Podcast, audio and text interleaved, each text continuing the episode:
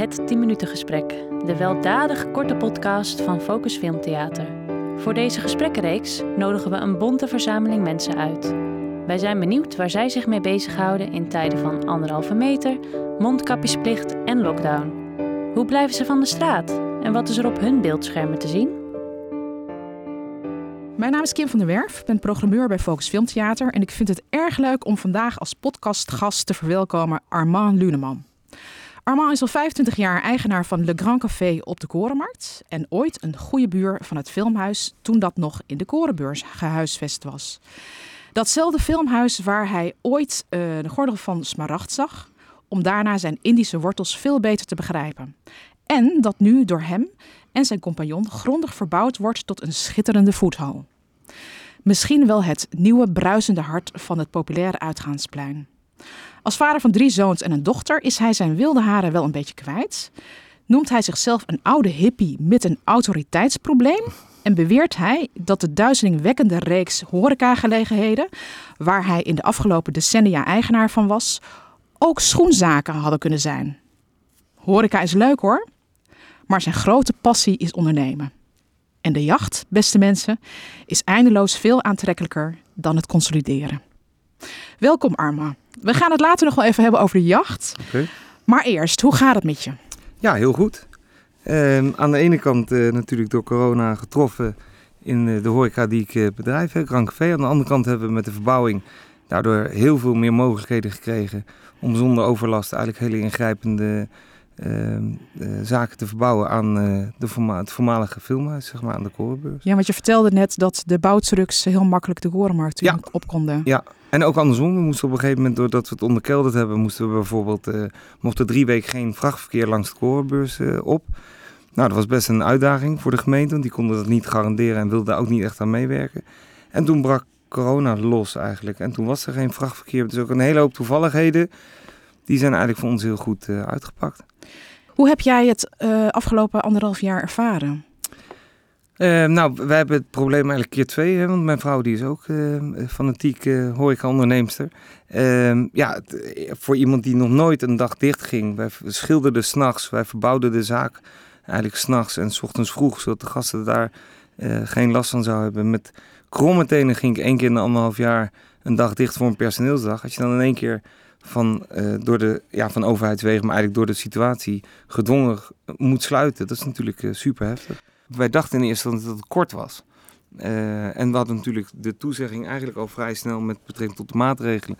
Dat we 90% van de personeelskosten goed zouden krijgen. Dus als je die twee bij elkaar optelt van nou kort en die 90%, dan doe je dus alles aan om je personeel te houden en door te betalen. Uh, later bleek het langer en bleek de 90% vergoeding, die bleek na fiscale uh, afdracht, om het zo maar even te zeggen, bleek dat 67% of in sommige gevallen zelfs 64%. Dus als dan je loonsom, zoals in mijn geval, ongeveer 45.000 euro per maand is. En je krijgt in plaats van 10% eigen bijdrage, om het zo maar of, of, of risico, uh, wordt dat uh, 35 of meer.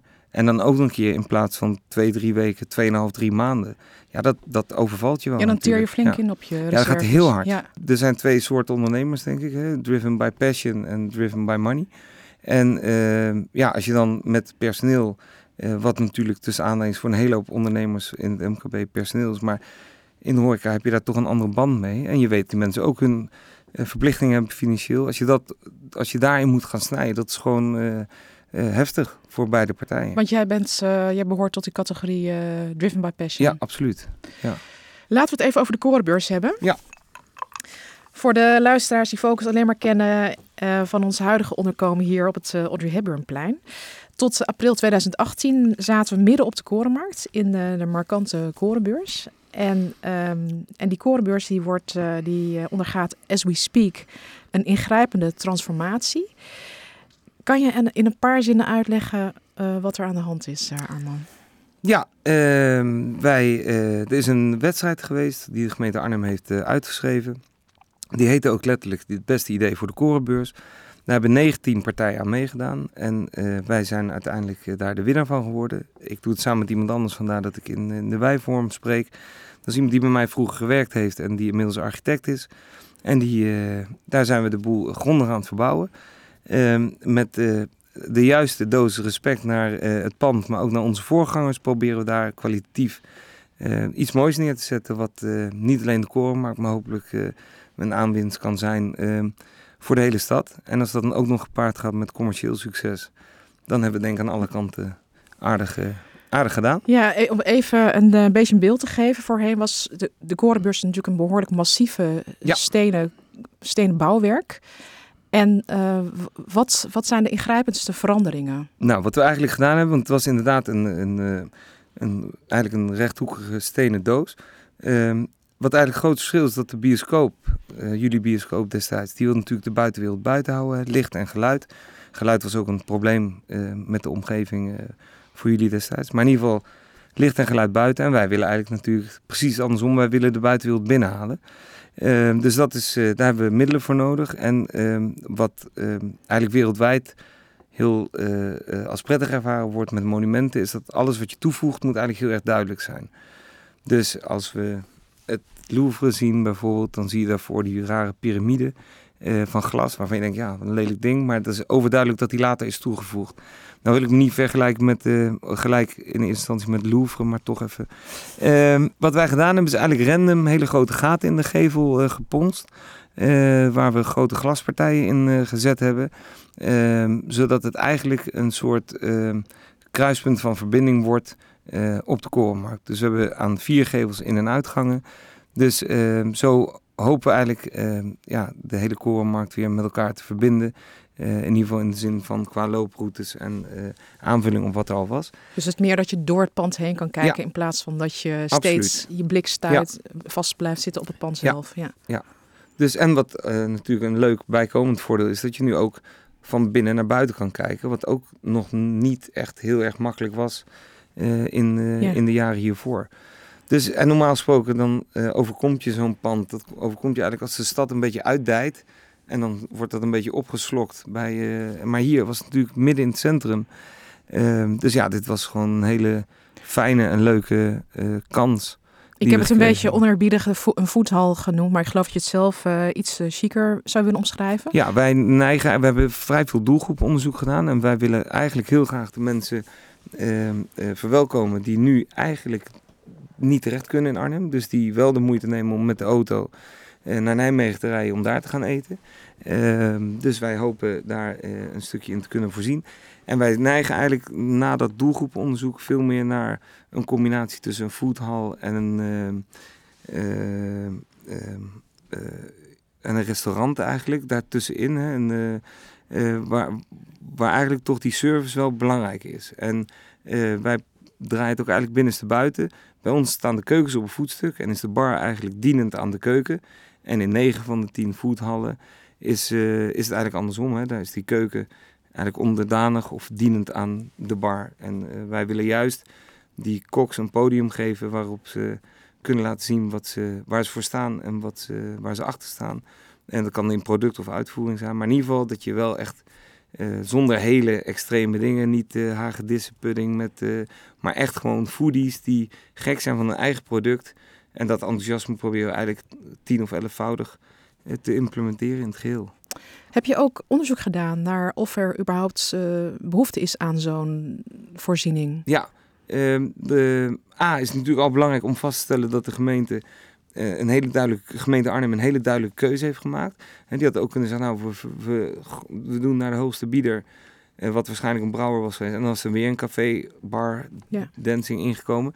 Dus ik vind al heel wat, uh, en dat bedoel ik echt uh, positief voor het gebied, hè, als ondernemer in het gebied. Want ik wist nog niet dat ik zou winnen, maar ik vond dat al een, een superstap dat de gemeente dat deed. Uh, dus dat, dat al als eerste. Um, die aanbesteding slash die wedstrijd was echt serieus. 19 juryleden, uh, drie rondes, werd echt heel officieel werd het aangevlogen. op een gegeven moment bij de top 5 werd je verplicht om een haalbaarheidsonderzoek te ja, laten okay. doen. Um, en ook een flink haalbaarheidsonderzoek. Niet een A4'tje van nou, van een bekende, het kan wel. Maar echt gewoon, daar was een post van 5000 euro voor gereserveerd. Die kreeg je terug als je niet won. Dus wij hebben hem niet teruggekregen. Maar uh, wel gewonnen, dus dat is ook weer. Maar dus die laatste vijf hebben allemaal een marktonderzoek moeten laten doen met een financiële onderbouwing. Wij zijn later ook toen met twee partijen over ook echt doorgezaagd door de gemeente. eh, met financiële mannen daar die, ehm, eh, die echt wel eh, gaten proberen te schieten in je, in je ideeën en in je verhaal. Ehm, dus daar is echt heel serieus naar gekeken. Ik denk ook niet dat de gemeente een plan wilde toejuichen wat geen levensvatbaarheid kende. En ehm, dus daar zit onder andere ook in het feit dat er al een voetal was, is ook onderzocht. Eh, in hoeverre dat effect zou hebben op ons. Nou zitten wij op een andere manier in de eh, commerciële wedstrijd, zeg maar. Maar toch, hè, het is er toch. Eh, doelgroepen, leeftijd, eigenlijk alles. Een heel gebreid, uitgebreid onderzoek. Ik wil het even hebben over de jacht. Want Ja. jij zei tegen mij, ehm, ik houd veel meer van de jacht dan van het consolideren. Ja. Wat bedoel je daar precies mee? Ehm, nou ja, ik, ik kom uit een wat wildere tijd natuurlijk. Dat eh, vroeger als je een zaak kocht op de korenmarkt, dan zei je tegen niemand voordat je alle handtekeningen had. Want voor je het wist was er een andere kaper op de kust. Eh, in die tijd was het ook nog een keer zo dat heel veel zaken die, eh, die, die bestierd werden en die ik overnam, dat die eigenlijk heel erg volgepropt stonden. Omdat horecaondernemers nogal de neiging hebben om heel veel in de zaak te zetten. Dus kon je eigenlijk met weinig middelen kon je dat anders indelen met de spullen die je had. En eh, dat was natuurlijk ook in een tijd dat de, de bomen commercieel tot in de hemel reek, reikten. Eh, maar bijvoorbeeld eh, restaurant Amigo, daar ben ik aan begonnen omdat daar een, een, een, een managementprobleem in zat. En dan merk ik gewoon aan mezelf dat de eerste zes, zeven, acht maanden ben ik daar heel enthousiast over. En heb het probleem opgelost. En dan wordt het eigenlijk ehm, eh, wat rustiger allemaal. En eh, ja, dat bedoel ik eigenlijk met de, met de jacht. Dus het verkrijgen is dan ehm, een heel ander spanningsveld dan het probleem oplossen en daarna dus het, het consolideren. Waar ik, Dus je eh, houdt ervan als er een probleem zich voordoet en je daarin vastbijten, ja. het oplossen. En dan is het voor jou wel een beetje de spannende ervan. Ehm, nou, als, dat is meer dat als ik er achteraf naar kijk, zeg maar. Eh, op dat moment heb ik dat niet zo eh, beleefd. Maar achteraf gezien denk ik, ja, als ik dan mag kiezen, eh, dan vind ik dat wel het leukste. Dan wil ik het nu graag even hebben over de gordel van Smaragd. Ja, Jouw ehm, filmhuiservaring. Ja. Eh, nou ja, ik, eh, ik, kom, ik ben half Indisch. eh, aan mijn zus kan je het meer zien dan aan mij, maar ik ben het echt. En ehm, ja, eigenlijk is er nergens over gepraat of wat dan ook in mijn jeugd. Ik weet dat mijn opa in een uh, jappenkamp heeft gezeten. Daar later eh, ehm, echt wel ook eh, eh, veel problemen psychisch door gehad heeft. eh, alcoholist geworden is. Dus het heeft heel veel impact gehad. eh, ook tussen mijn opa en mijn oma. Ehm, en eigenlijk werd nergens over gepraat. En ook als je iets vroeg, voor zover iets vroeg, het was niet, het was gewoon geen topic, zeg maar. Hè? Het was gewoon, het bestond wel, maar ja, waarom zou het over hebben? En ook als ik bijvoorbeeld vroeg aan mijn oma of ze niet een keer terug wilde, ja, dat was allemaal niet, dat was allemaal niet zoals je in een film zo romantisch ziet. Van, eh, dat werd eigenlijk eh, heel erg, eh, ja, eigenlijk doodgezwegen in ons geval. Dus dat is een heel beladen geschiedenis. Ehm, ja, voor hun zeker. En dat hebben ze altijd bij mij weg willen houden natuurlijk. Als, wat ook een beetje hoorde bij die generatie. Hè. Toen besprak je nog hele andere dingen met je kinderen dan waar we tegenwoordig mee geconfronteerd worden. Maar eh, ja, ik denk dat het heel erg beladen is geweest voor hen. Ja, dat denk ik wel. En toen ging jij ehm, die film bekijken in, Ja. in ons oude filmtheater. Ja, nou was sowieso de eerste keer dat ik daar op die manier kwam. Want Ik was Ja. er wel eens geweest, maar eh, meer voor overleg of dat soort dingen. En ehm, eh, die Gordel van Smacht, die maakte voor mij zoveel duidelijk. Dat was eigenlijk voor een groot gedeelte het verhaal eh, wat wel sloeg op, eh, op, eh, op mijn, eh, of het, het verleden eigenlijk van mijn voorouders, om het zo maar even te zeggen. En heel gek, mijn moeder die ging eh, naar Indonesië uiteindelijk. En eh, mijn oma zei, nee ja, eh, ik spreek helemaal geen Indonesisch meer. En nee, dat ben ik allemaal vergeten. En kind, dat was zo'n andere tijd. En, en mijn moeder die moet dus echt een cursus nemen om dus eh, eh, Indonesisch eh, te leren. En op het moment dat ze bezig is met die cursus, komt alles gewoon vloeiend uit bij mijn oma. Dus daar zit ook, denk een soort van schaamte, een soort van... eh, hè, ze hebben het best wel heftig gehad, ook natuurlijk toen ze allemaal in Nederland kwamen. Ze hebben in Indonesië, zoals het toen nog heette, Indië, natuurlijk eh, eh, in eerste instantie eh, daar ja, toch wel een vrij koloniale rol gespeeld.